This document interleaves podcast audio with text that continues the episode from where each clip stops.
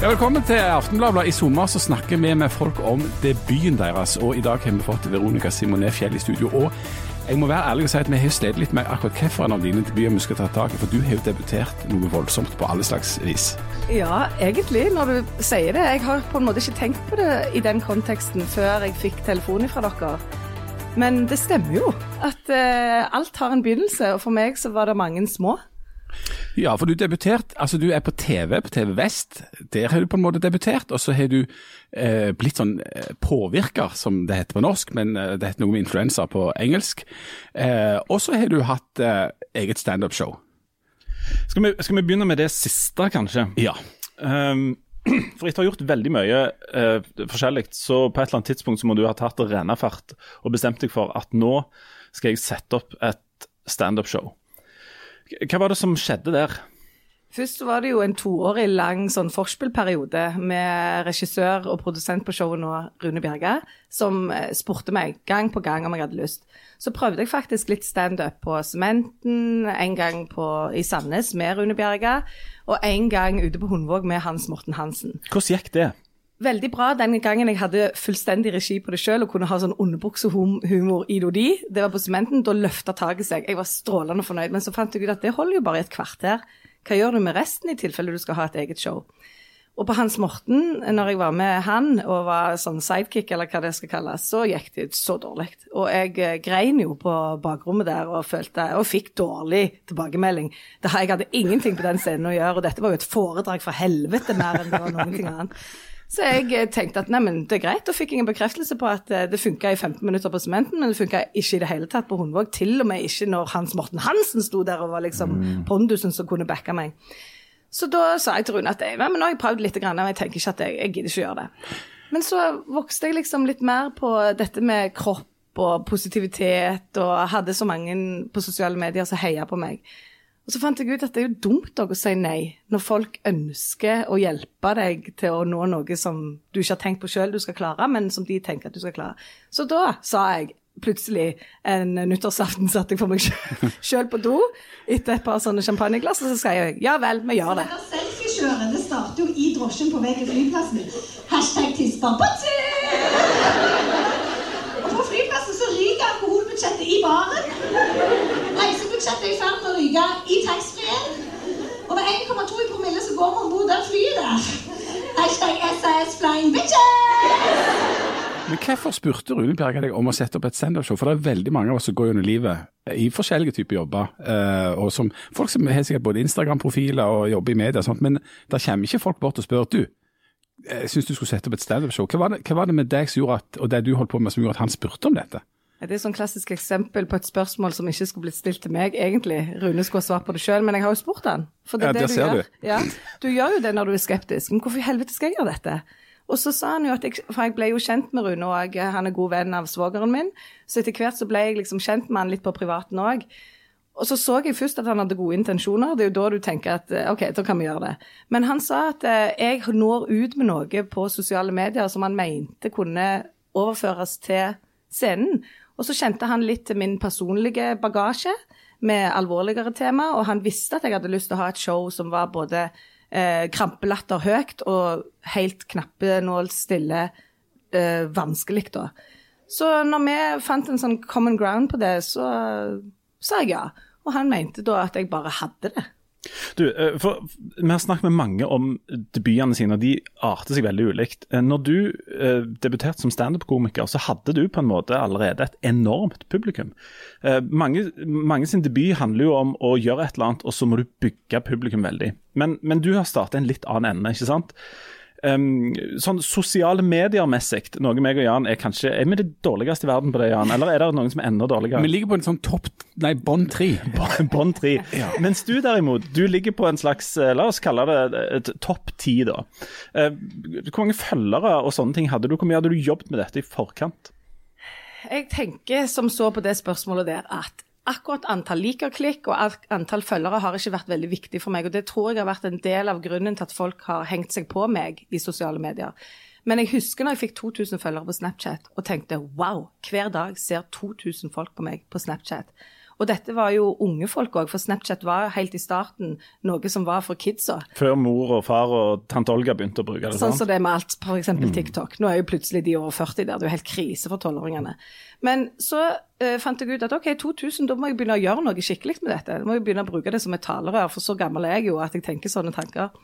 Men så klarte jeg vel tydeligvis å gjøre det på en sånn måte som appellerte til dem. Eh, og så gikk liksom eh, jungeltelegrafen, da. I dag har jeg eh, 50 000 abonnenter, men jeg har langt flere visninger på Snappen. Det ligger jo dupper på 150 000 hver dag. 150 000? Ja, noen ganger 210 000, andre ganger 100 000.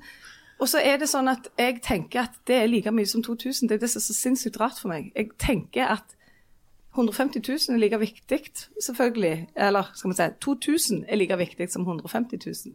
Ok, en- en- Enorme tall, men hva, hva var det du eh, altså På et eller annet tidspunkt så fant du ut du skulle bruke dette her til noe annet enn å vise eh, på en måte det som alle viser. Hva, hva var det med, med dine profiler på, på sosiale medier som gjorde at folk liksom ble veldig engasjert i det du fortalte? Jeg brukte de jo aktivt, både blogg øh, og Jeg husker ikke om Yummy Mummy-serien når jeg lagde den på TV som handler om mammakropp, om Snapchat var noe da, men kanskje i sin spedbegynnelse. Men jeg brukte i alle fall alle plattformer som var tilgjengelige på sosiale medier og blogg, som en måte å formidle budskapet bak serien til Yummy Mummy. fordi at når du ser et kvarter med en dokumentarserie eh, og som er og i åtte episoder, så er det ikke alt der som kommer med.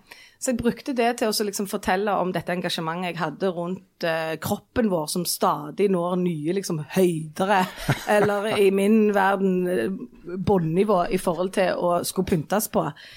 Så det har bare vært den, tror jeg, eh, måten at flere har valgt å følge meg, at jeg er veldig tydelig på det jeg mener der inne. Og når de klikker inn, så vet de hva de får. Det er ikke sånn når jeg åpner en Pepsi Max-flaske, så forventer jeg at den skal smake Pepsi Max. Og det gjør han hver gang, og derfor kjøper jeg han en gang til, for jeg liker han. Sånn er det litt med mine kanaler. De klikker seg inn, og de vet hva de får, og de får det. Og det blir en bekreftelse bare på at de vil henge med videre. Og det var liksom ikke glansbildet du skulle presentere. så Der ligger det en slags, eh, en slags opprør eller en slags kritikk eller en egen stemme, da, i hvert fall, sant? Absolutt. Og jeg er jo ikke alene om det. Det er jo det som er så rart. Det finnes jo mange nå som er en sånn opprørsk eh, anti-rosablogger-stemme. Og det er jeg veldig, veldig veldig glad for. Så det er jo ikke gitt at jeg egentlig i alle, alle disse andre skulle få en stemme som 38 år gamle jente, for de aller fleste mye yngre enn meg. Men eh, ære være altså at jeg eh, fikk de med meg, for jeg syns jo det er veldig veldig kjekt. Det gir meg jo muligheten til å f.eks. sette opp et one woman show. Og når du da gjør det for første gang, altså debuterer, så gjør du det med en slags annen trygghet. Og det var kanskje, selv om jeg ikke tenkte de tankene akkurat når jeg sa ja til Rune Bjerga Det var ikke sånn at jeg satt på do på den nyttårsaften og tenkte ah ja, men jeg har jo disse tusen følgerne mine på Snapchat, er klart jeg skal sette opp et one woman show. For det var ikke gitt at de skulle kjøpe en billett. De ser jo mine ting gratis hver dag, så hvorfor skal de betale 300 eller 400 kroner for å komme og se meg en kveld? Men det var i alle fall en slags heiagjeng, da. En sånn backup. Men du hadde jo, for du, du hadde jo, du kunne jo på en måte levere et publikum. Du hadde jo allerede et navn, du hadde en, en following. Um, dette ser vi i standupen, så er det òg i bokbransje og musikkbransje og sånt òg, at, at eh, mange bygger seg et publikum på sosiale medier, og så liksom bygger en profil der, og så kommer det et slags produkt ut i den andre enden. Så kan det være en bok, eller så kan det være et show, eller, eller hva det var. Var, var det ditt publikum fra sosiale medier som kom på showet, eller var det andre? Begge deler. Og i jentegjeng så er det alltid ei Hanne som kjenner alle. Og på denne turen så kjenner hun faktisk kabinsjefen.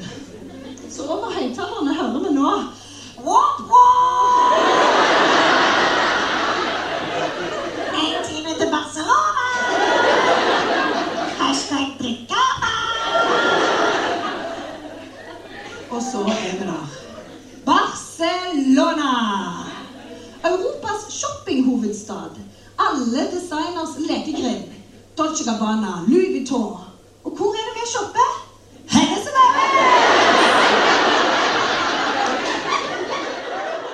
Selvfølgelig en stor andel av de følger meg på sosiale medier. Det, jeg har jo ikke noen sånn statistikk på dette her, men den flommen av tilbakemeldinger jeg fikk etter at jeg hadde stått på den scenen i fjor høst, det var overveldende. Og for første gang i mitt liv så måtte jeg bare stenge kommentarfeltet.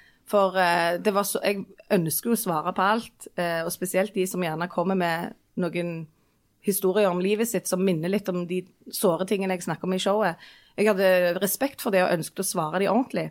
Men jeg hadde ikke anledning. Det var altfor mye, og det var utrolig mange gode tilbakemeldinger. Og det kan være for mye, for mye av det gode. For jeg ble rett og slett helt Det var, altså, det var nesten vanskeligere å takle det enn å stå der på premieren. Hvorfor da? Det kom så nært. Plutselig så En ting at Leif Tore Linde er til stede i premieren og skal anmelde. En annen ting at alle de som jeg har respekt for, som er inne og kikker hos meg, eh, som jeg syns, jeg syns det er så utrolig ærefullt at de bruker sin tid på meg.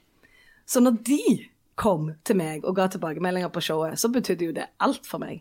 Og da ble jeg eh, helt matt. Du legger merke til at eh, det er to kategorier folk her. Du har meg som satt der, og så har du de du har respekt for. Det, Jeg var jo jeg, helt vilt Jeg bare- for at du kom. jeg bare noterer meg det bak øret, så det kan vi huske til, til neste gang. Du, der, eh, du, du er jo Jeg ville jo ikke brukt ordet blyge nødvendigvis, eller, eller veldig sånn inneslutta eh, introvert om deg. Men, og du har jo vært med på mye altså, i TV Vest og sånt. altså Du er vant med at folk ser deg på et vis.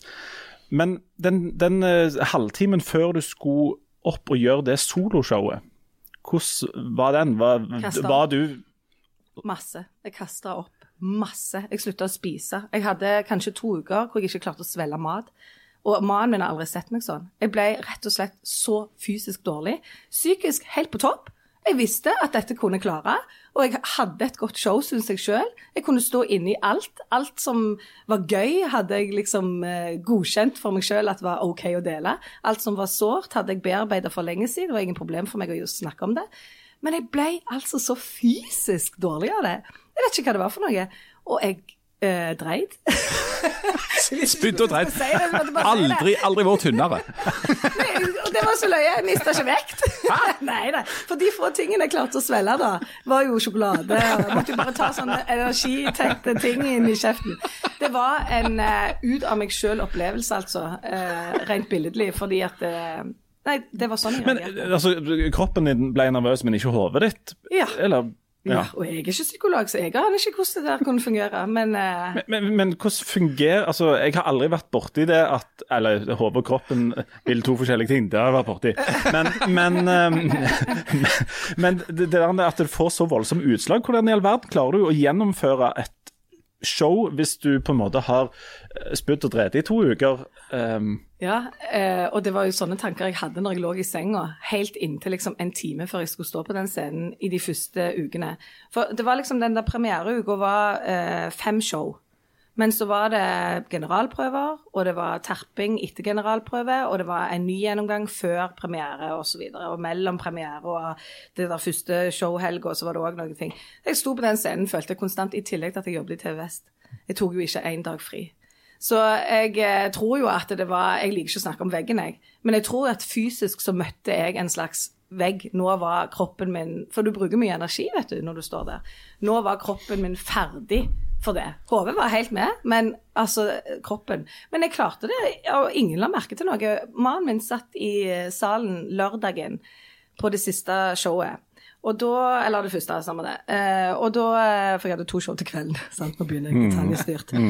Eh, han hadde altså svetteringer fra en annen verden, for han hadde jo sett meg, hvordan jeg var hjemme, og han hadde skrevet melding til Rune Bjerga. Ikke send henne en eneste SMS. Hun får rett og slett helt fysisk spader av å se på deg, høre om deg, lese fra deg. Så han Rune bare holdt seg helt vekke. Han gikk opp rett før jeg skulle på scenen. Står du? Ja, gå ut. Og så klarte jeg det. Nei, det var spennende.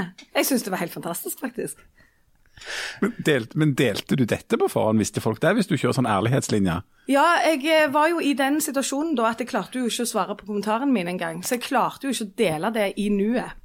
Eh, Men jeg fortalte om det etterpå, ja. Hvordan jeg hadde reagert fysisk på det.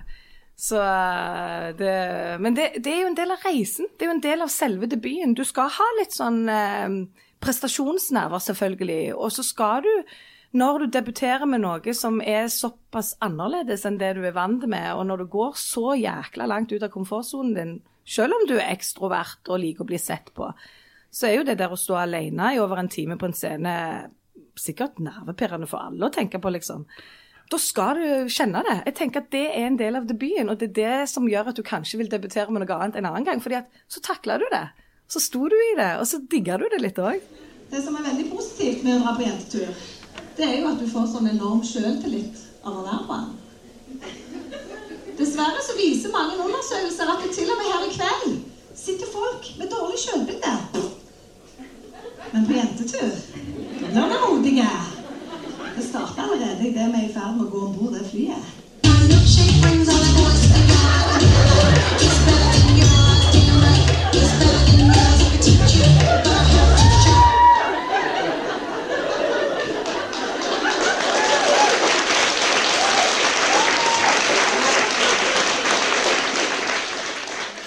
Det spesielle med dette standup-showet det var at det var ikke bare et standup-show. på en måte. Eh, Det er mange eh, komikere som går ut og forteller vitser og sier et eller annet om hvordan det er å komme inn på et fly og sånn som det der, men du kombinerer det med å snakke om veldig alvorlige ting og veldig nære ting og veldig personlige ting, og ting som har betydd eh, enormt eh, for deg sjøl. Hvorfor gjorde du det sånn? Fordi jeg sa til Rune eh, at jeg kan godt stå der oppe og være løyen i en time, men min humor er jo litt sånn tiss, rumpa, pupp, kropp, mage, tåfis. Det er jo ikke løye i 60 minutter. Ikke 60 minutter, men det er vel de av oss som kan ha Så vi må ha noe annet. Ja. Og så sier jeg hva annet liker du å le av? Så ingenting. Så da sa vi ja, men da må vi finne noe annet, en annen dimensjon. Og så fortalte jeg ja, du vet jo mamma som er alkoholiker. Jeg har jo lenge hatt lyst å lette på det sløret, for jeg skammer meg ikke over det. Og jeg mener jo at som pårørende så har jeg en stemme i dette. For vi er jo like mye en del av den sykdommen, som jeg kaller det. For det er en alvorlig, alvorlig sykdom som rammer bare nesten alt i et eh, familiesammenhold. Den har jeg lyst til å snakke litt om. Og så måtte jeg få med mamma med på det, men hun er jo helt anonymisert hele veien. Og det er i hovedsak eh, refleksjoner som pårørende jeg deler da. Ja, så tygde han på det, liksom. Det tror jeg kan være bra. Og så har jeg opplevd eh, som 14-åring å bli festvoldtatt. Og det er jo Bare å si det vekker jo gjerne litt sånn øh, Vet ikke, du får litt sånn i fleisen, for det er jo Hvem er det som gjør det, liksom? Snakker jo ikke om sovevoldtekt. Men dette skjedde jo for veldig mange år siden, og så skjønner jeg jo ennå at det pågår mye av det. Samfunnet har jo aldri vært så seksualisert som det er nå. Sex on the beach, som jeg kaller det. De går jo i så lettkledde klær som overhodet mulig, og vi ser jo sex rett i trynet på TV fra veldig ung alder. Så eh, når jeg satt som journalist og tenkte på dette, så fant jeg ut at der er det jo òg noe som jeg har erfart, som jeg kanskje kan dele, som har noe å, si for det samfunnet vi har i dag, da. Og det var jo to veldig vanskelige tema å liksom Det er ikke sånne typiske showtema. Nei, det er ikke humortema. Men da ble jeg enig med Rune om at vi trenger jo ikke å le av det. Tenk hvis vi klarer, for det er sånne filmer jeg liker, og det er sånne musikkstrekk jeg elsker, hvor det er sånn patos, og så kommer du helt ned. Og så avslutter du med patos! Jeg vet ikke om det er riktig ord, er det det? Dere som er så Jo, kulturjournalister. jo jeg, jeg, skjønner, jeg skjønner veldig godt hva du mener. Der er, der er, det, det, sånn, sånn Showmessig så gir det jo en sånn en dynamikk der. Men der, der er jo òg Var det selvsagt for deg at dette var ting som du ville fortelle om? For dette, en ting er jo at på en måte de nærmeste vet om sånne ting. sant? Eh, og, og du har jo senere fortalt at du, dette var ting som var ganske godt bearbeida hos deg. sant? Men men det er jo en ting, du må jo ha gått noen ganske lange runder før du bestemte deg for om det skulle være en del av det som du presenterte for et åpent, betalende publikum. For da er jo ikke historien så mye din lenger, sant. Det er jo en ting som veldig mange tror jeg ville holdt for seg sjøl. Og det er jo akkurat derfor jeg skal fortelle om det. Og når jeg eh, hadde fortalt om det, så satt jo folk og grein i salen. Både i forhold til alkoholisme og i forhold til voldtekt. Og før jeg stengte kommentarfeltet, og etter at jeg åpna kommentarfeltet, så fortsatte disse meldingene å strømme på folk som har opplevd det samme. Og folk som har eh, hatt litt sånn seinskader i forhold til å ha blitt sovevoldtatt da, i ung alder. Som de ikke har skjønt helt hvorfor de har hatt, før de på en måte satt der og hørte ei annen ei som har opplevd det. Og så tenkte de at det kan være at det er derfor at jeg har angst for å være for lenge på fest. Eller at jeg syns det er litt vondt at eh, når jeg skal legge meg, og det er helt mørkt i rommet, at vi skal være intime akkurat da. Og jeg føler liksom at jeg kan ikke si nei, for jeg har jo ikke kroppen min helt for meg sjøl allikevel. Altså, det er så mange tanker som veldig mange får i forhold til å eie kroppen sin etter at en har opplevd at noen på en måte har frarøvd det. Og i forhold til debut, vet du, så var jo denne sovevoldtekten i hermetegn min debut. Jeg var jo ikke seksuelt aktiv som 14-åring, og jeg ble jo heller ikke det for mange år etterpå. Men det var eh, det var derfor jeg ville snakke om det, fordi det er jo ikke noe vi snakker om, og i alle fall ikke på en scene. Og vet du hva? jeg tenker at det er ikke veldig mange som kommer til å gjøre det heller framover. Men jeg er så glad for at jeg gjorde det, og jeg var veldig sånn at når jeg skrev tekstene, så skrev jeg og sletta, og skrev og sletta. For jeg var veldig sånn opptatt av akkurat det som du spør om der. Hvorfor skal du fortelle det? På hvilken måte egentlig skal du presentere det? For at ikke det skal bli sånn stakkars hu-greie òg. Så det var tusen millioner tanker som eh, for igjennom i forhold til det. Men jeg er voksen dame og har jobbet som journalist i TV Vest i 13 eh, år. Jeg føler at jeg vet liksom litt hvor triggerpunktene er, og hva som kan være OK å dele på den måten i stedet for den måten, f.eks. Så um, det er ekstremt gjennomtenkt, altså. Du byr jo da voldsomt på deg sjøl, både kropp og, og, sjel og historie og alt i hop. Men hvor går grensene, eller er det noen grenser for hva du, hva du kan dele? Ja. Mannen min har jeg jo nevnt, og det er jo veldig bad, for han ønsker ikke å bli nevnt i denne sammenhengen. jeg sier at jeg er eh, personlig på mine kanaler, men jeg er faktisk ikke privat. Folk spør om å få house tour. Aldri. Jeg kommer aldri til å vurdere altså, Folk spør om hva? House tour. De vil altså, se huset mitt. og så er jeg jo veldig sånn uh, var på hva jeg deler i forhold til ungene. Hun uh, eldste mi har jo veldig lyst uh, å gjøre ting, og er faktisk flink å redigere. Og vi har en egen YouTube-kanal som er helt hemmelig. Det er ingen eh, abonnenter på den, og det er bare noe meg og hun leker oss med. liksom, Lager slim og klipper. Og. Så hun har fått litt av den greia fra meg, sikkert fordi at jeg er hennes største påvirker. sant? Uh, men jeg er veldig, veldig opptatt av å passe på at jeg ikke bruker mine plattformer for å vise fram familien min. Så der er jeg helt eh, Der er det ingenting. Men du fortalte jo òg, selv om, om, om det handler mest om det pårørende og ditt perspektiv, så forteller du òg noe som er veldig viktig om mor di og om familien din. Hvordan uh, tok de imot dette? Jeg måtte jo snakke med dem først. Både bestemor og bestefar og um, pappa, som er eksmannen til mamma.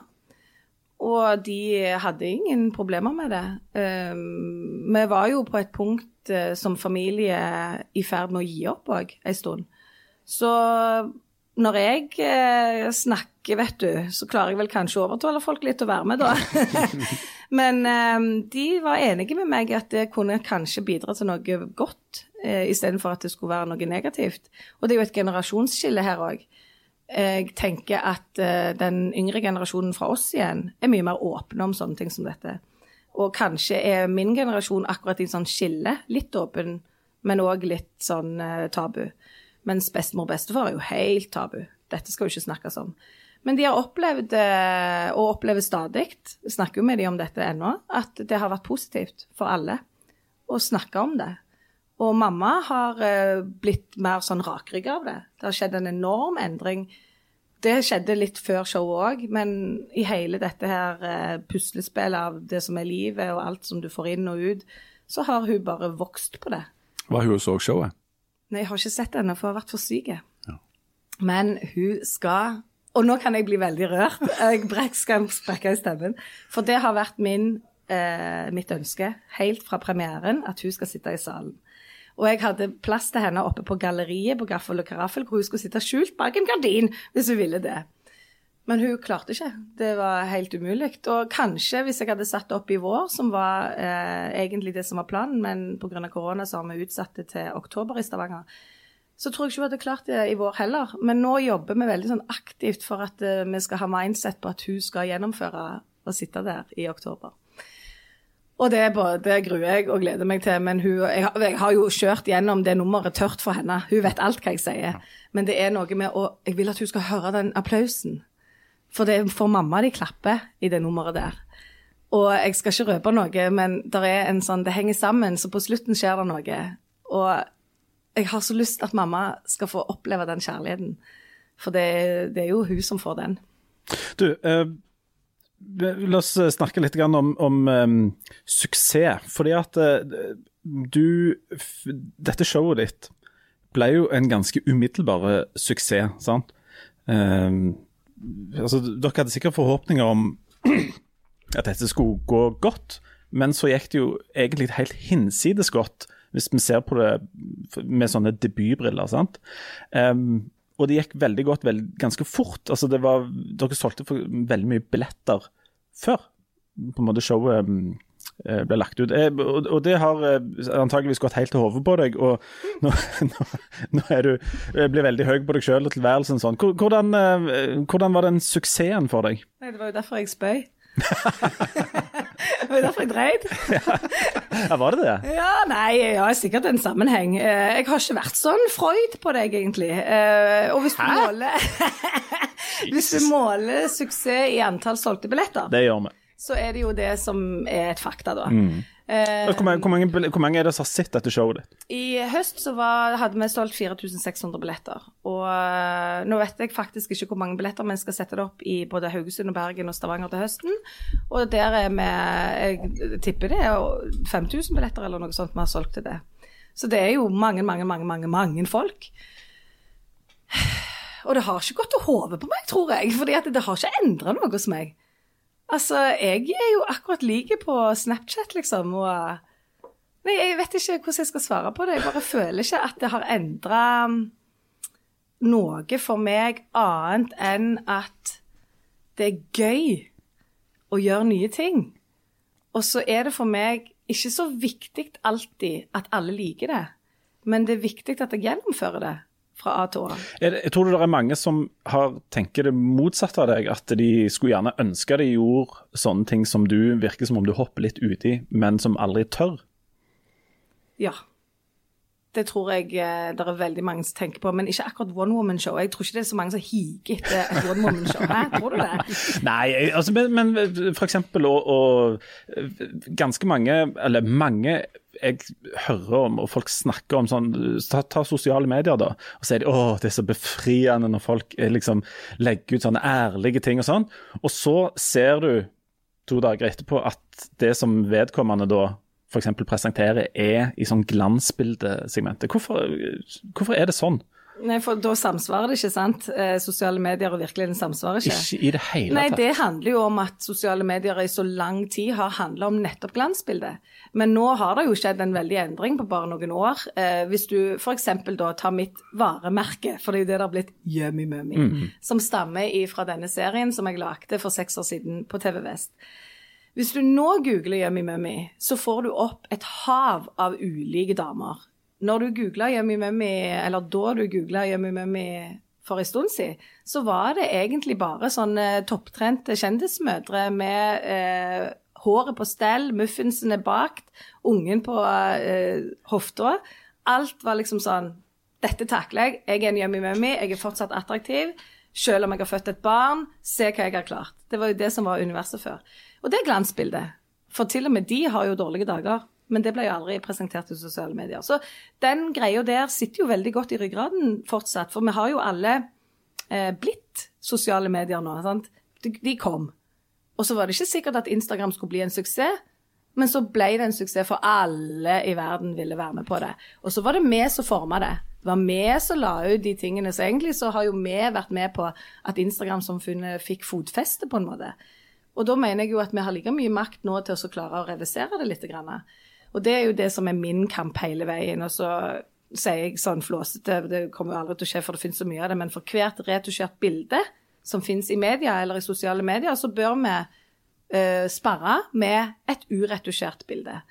Og det er jo det som er hele veien i kampen, og jeg prøver å gjøre det. Hvis jeg ser noe som er helt sinnssykt, f.eks. nå har jeg en kamp gående på en app som heter Supersalon som er et spill for barn. På Google Play er den tillatt for alle. På AppStore er det tolv års aldersgrense.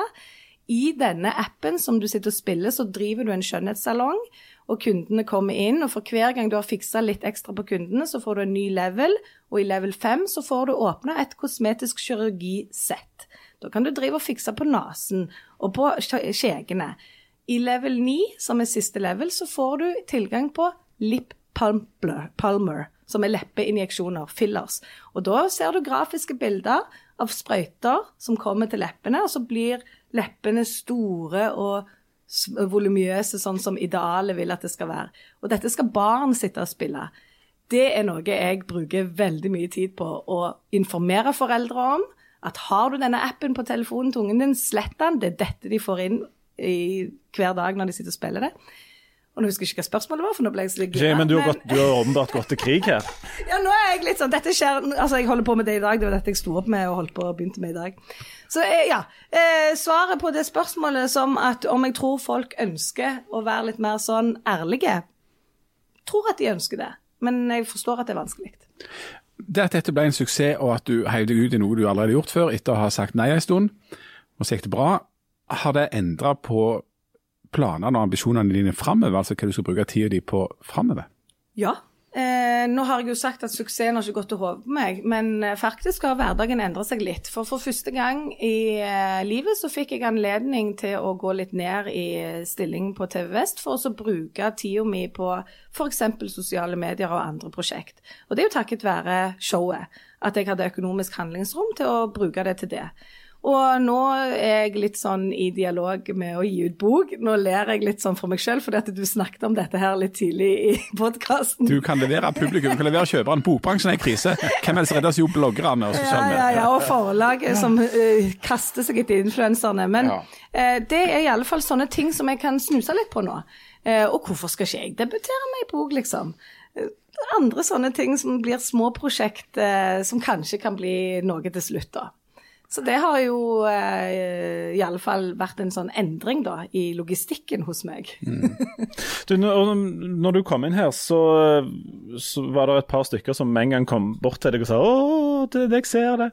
Um, Da kan jeg avsløre, jeg så ingenting annet ikke de snakket om. Så du, visste du noe? Nei, men meg og deg, Jan, vi ser ikke sånne ting. Vi er jo ikke på Snapchat. Nei, og så har vi, vi har, Jeg har jo det der forferdelige genet der jeg ser ikke om folk har klipt seg, fått nye klær. Jeg har òg en, en egen sånn sperre på Om folk har på en måte tatt av 30 kg og lagt på seg 30 kg, jeg klarer ikke å se det engang. Så jeg, jeg, jeg er helt blind i det. Men i går, sa, når jeg sa hva vi skulle gjøre i dag, så sa kona mi at du må hilse og si at det, det der gråhårgreiene, det er noe av det aller kuleste. Og det eh, var en av de tingene som faktisk har da inspirert hun jeg er gift med for øyeblikket, til å liksom hun, altså Hun er ikke grå, men hun vil ha tilbake sin egen farge. Gidder ikke liksom fargede platiner og sånn. Men du har brukt koronaen til å ikke farge håret. Ja, når du sier det sånn, så er det sånn Ja vel, skal vi snakke om hår? Og liksom Ja, Um, Men det var det folk snakket med deg om Ja, når du kom det her? er for det nyeste prosjektet nå. Eh, Grombray har eh, vokst fram som en sånn ny trend på Instagram. Gr Hæ? Grombray. Det er så mange ord meg og deg Jan ikke kan. Altså. Det spiller på det uttrykket som heter ombre, som er en fargemetode hos frisørene, hvor du er mørk i bånn og blir lysere i tuppen, eller omvendt. Når du slipper ut gråhåret, spesielt når du er naturlig mørk, sånn som jeg er, så vil du jo bli lysere på toppen og etter hvert eh, få en slags grombray, da. Så jeg er i ferd med å spare ut min grombray, og nå når vi snakker, så er det 14 uker siden jeg fargte håret sist. Og normalt så går jeg til frisøren og farger vekk de grå hver fjerde uke. Hvis jeg skulle holdt det helt vekk i det grå nå, så hadde jeg gått hver tredje uke. Og det er masete. Og hele veien passe på at du har en time hos frisøren. Så etter korona så hadde det vært åtte uker siden jeg hadde farget håret når jeg da hadde time hos frisøren. Så satte jeg meg ned, og så var det jo sånn som det skulle være. Ja, ja, nå farger vi vekk det grå, det er liksom egentlig det jeg gjør. Så sa jeg nei. Nå skal jeg spare det ut. og det er det jeg holder på med nå. Og nå begynner det å bli en løyen greie. For det, jo mer det kommer ut opp forbi ørene, jo løgnere ser det. For til slutt så ser det ut enten som du er sånn skalla på toppen og bare har masse hår ned forbi ørene, eller så ser det ut som du går med en sånn hatt. Når du er så mørk som meg, fordi at det blir forskjellig eh, farge på dem. Og hvordan var reaksjonen hos frisøren? Var det et lite hjerteinfarkt akkurat der? Nei, for hun er så kul, Janne. Hun bare Ja! Det gjør vi, for du kan komme inn her og få kurer og bare liksom slappe av. For det grå håret som kommer ut nå, det er jo egentlig pigmentfritt. Altså det er ikke dødt, for det gror jo, men det er jo litt sånn pistrete og annerledes enn det håret jeg har nådd nå. Så det må behandles. Så alle frisører som tenker at jeg nå skaper en Grombray-trend og de blir arbeidsledige, fortvil ikke. Vi trenger de ennå. Vi skal både klippes og stusses og pleies. Og jeg elsker å gå til frisøren. Det er jo egentlig den eneste sånn utseendetingen jeg har holdt på med hele livet. Jeg har vært rosa og grønn og blå og barbert på ene sida og vært så glad i det uttrykket som hår kan skape, da. Så jeg holder på med det nå. Jeg skal kjøre på helt til siste grå er ute. Hva er tidshorisonten på noe sånt? Altså, Jeg har jo ikke hatt hår siden Nei, 20, 20 år vel har jeg vel vært mer eller mindre på en måte uten, så jeg har ingen forhold til dette. Men på et eller annet tidspunkt så skal du da bli helt, helt Ja, ja, da skal liksom alt håret mitt være naturlig farge, sant. Eh, For tuppene, eller mesteparten av håret mitt nå, har jo en farge i seg, og det er permanent, så selv om du vasker det, så vil det bare falme litt, men det er fortsatt farge i det. Så jeg, det er jo dette som er mitt eh, hår nå, det er på toppen, liksom. Og det er jo veldig annerledes enn det andre. Og eh, når jeg er inne og ser på mine American Sisters, som kalles for hashtag Silver Sisters og hashtag Young Silver, hashtag Silver Sisters 2020, så, og vi chatter, vet du. Jeg har fått sånn community som vi driver og chatter. So happy that it's uh, uh, starting in Norway. Oh, you look so nice with the ground, begynner de, vet du. Um, et år cirka tar det. Men det er jo veldig, uavhengig, altså veldig avhengig av hvor fort håret vokser. Og grunnen til at jeg hadde lyst til å gjøre dette, var jo én, det er jo lommeboka som har godt av det. To, det er kult å se hvordan du er naturlig. Selv under 40, sant? at uh, vi kan snakke litt om at grå hår ikke handler om alderdom alltid. Folk blir grå i 20-årsalderen. Jeg fikk mine første grå som, som 27-åring. Uh, og tre. Mannfolk blir alltid karakterisert som sexy sølvrever når de får grå manke i tidlig alder, mens damer blir karakterisert som gamle kjerringer. Og det syns jeg er skeivt. Det er feil. For vi kan òg være sexy. Så jeg har starta sånn sexy sølvmus-bevegelse, da, kalte jeg det. Det, det høres ut som du har Det høres ut som hvis du ser Hvis du aner konturene av noe du kan krige mot, så tenker du «Ja, Vet du hva, her jeg start-» Og det høres ut som Om, du, om jeg er sånn kranglefant? Nei, ikke, ikke kranglefant, men, men det er mange som eh, på en måte ser disse tingene, men som, som på en måte ikke nødvendigvis alltid tar opp stridsøkser, da. Men det, det virker som om du er en person som hvis du ser antydninger til et bål, så kan du godt bidra med noe bensin på dette her. Ja, Når det kommer til skjønnhetsbransjen, ja. For de er under min lupe konstant. Men er ikke det en ganske utmattende ting å gjøre? Så Du har hatt det i showet ditt, du gjør det på, på en måte privaten. Noe hos deg er gjerne litt vanskelig til å skille hva som er på en måte privat og hva som er jobb og sånt. Men er ikke det en ganske utmattende kamp å ta? For det, du har På den ene sida har du sånn kroppspositivisme og alle de der tingene der, men det virker som om motstanderen her er ganske formidabel. Å herregud, en milliardindustri. Og det er jo liksom bare helt sånn Goliat-følelse. Hva heter det for noe? Eh, David og Goliat. Da var det Goliat, ja. Hvem, hvem var det som var størst av de to? Det var Goliat var store, og så da var er det det Goliat som er skjønnhetsbransjen, og jeg er David. Du er David. Men hvem Hvorfor vant? kan ikke jeg Hvem ha vant? Daniela heller? Hvorfor måtte det være en mann, David? Feminist, jeg det. Er Daniela mot uh, Goliat. Ja. Um, men det gjør ingenting. For jeg mener at uh, mange små røster kan bidra til en omveltning. Og det er jo det som er på en måte overbevisningen min, at jo flere jeg får med meg på dette, jo flere stikk det kommer inn til skjønnhetsbransjen i form av enten å melde de til Forbrukertilsynet, for bransjen er jo ikke helt opplyst i forhold til hva nye regler som finnes når det kommer til leppefillers og Botox. Botox er ulovlig å reklamere for. Fortsatt så er det åpne profiler på Instagram og Facebook som bare får lov å reklamere for det. Men så lenge han er åpen og kan like og dele og kommentere, så plutselig sitter ei jente på 14 år eller en gutt på 14 år og ser det, og derfor så er det ulovlig. Det står òg i markedsføringsloven i forhold til reklame for barn. Sånne ting er med på å motivere meg. Og det tapper meg ingenting for energi. Hadde det gjort det, så hadde jeg logget av på dagen. Jeg kommer aldri til å bruke tid på noe som gir meg dårlige vibber. Det er derfor jeg fortsatt er i TV Vest etter 13 år, for jeg trives med det. Det er derfor jeg velger å sette opp nye show av dette naturligvis-showet som jeg hadde i fjor, i år, fordi det ga meg noe. Og hver dag logger jeg på den Snapchat-kontoen fordi det er gøy. Det gir meg noe. Så sånn er det. Jeg eh, elsker det jo. Tror du, eh, Kommer du til å bli eh, fulltids eh, sceneperson i løpet av de neste årene, tror du? Nei, jeg håper ikke det, for jeg har så veldig lyst til å kombinere det med jobben i TV Vest. Det er noe som jeg kjenner ekstremt på. Det var for mye å ha 100% jobb i TV Vest og sette opp show, men at jeg kan få lov til å ha litt av begge deler, er jo et privilegium som jeg tenker på nesten hver dag. At jeg skal være takknemlig for, og det er det jeg ønsker. Og så bruke sosiale medier aktivt på en litt annen måte, kanskje. Jeg er ikke sånn som har sånn horisont på 20 år hele veien. Jeg syns at det er gøy å leve nå. Og sånn er det i debuter òg. Du skal si ja til det, og så skal du begynne å arbeide noe fram, og så kommer det kanskje et endelig produkt for noe som du debuterer med, og så må du leve litt i det. Det er jo kanskje en litt sånn lengre fase, men den er fortsatt veldig sånn kort. Det er ikke sånn tiårsperiode på det heller. Så alle sånne ting som er sånn i nuet, og som du bare kan kose deg litt med akkurat nå Jeg høres ut som en sånn lettbeinte dame som bare ja da. Så kanskje blir det bra, og kanskje blir det dårlig. Jeg har jo mange tanker selvfølgelig bak det òg, men um, nei, jeg, jeg, håper at det kan bli en miks av mye. Du, En siste ting. Um, når du vet, vet du hva, Dette var så gøy. Jeg føler ikke vi har vært i podkast engang. Har vi spilt inn dette? Jeg har glemt å tro... Nei, jeg har trykt på rekord. Men du, en, en siste ting som, uh, som jeg, jeg, tenkte å spørre deg om. Når, når du debuterte som standup-komiker og alle altså Du var sammen med andre når du gjorde det.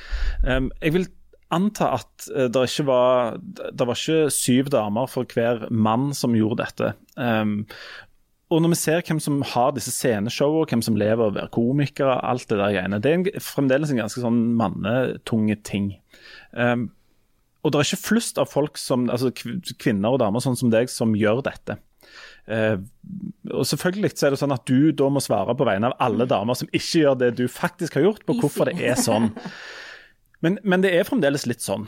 Det er det. Hvorfor er det fremdeles eh, Er det fordi at eh, menn har en voldsomt høy selvtillit og lite selvinnsikt, mens damer har motsatt, eller hva er jeg vet ikke, men jeg kan jo tenke meg at alt har en start. sant? Og hvis starten blir dominert av ett kjønn, så vil på en måte det bli sannheten etter hvert. Og så vil det automatisk bare bli noe som skviser vekk det andre kjønnet.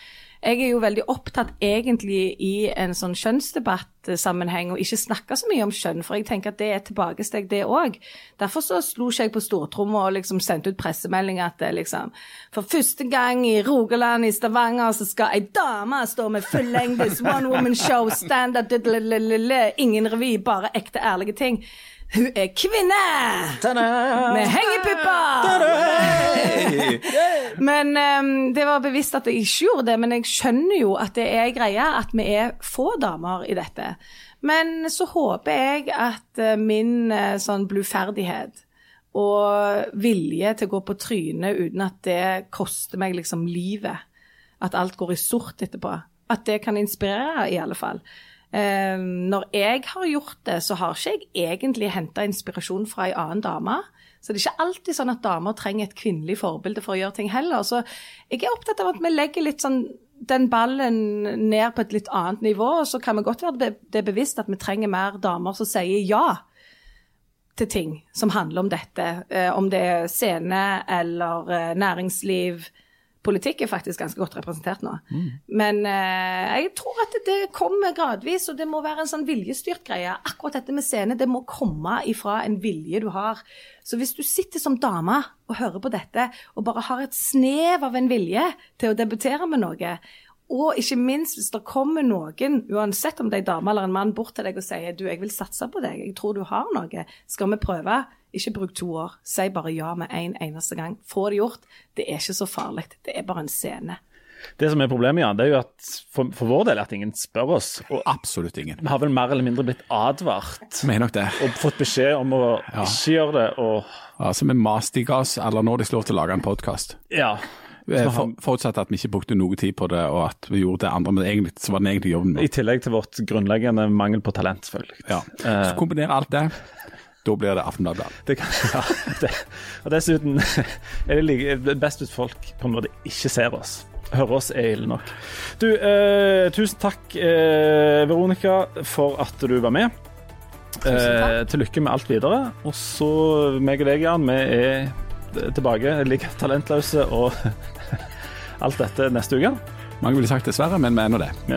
Snakkes. Snakkes. Ha det.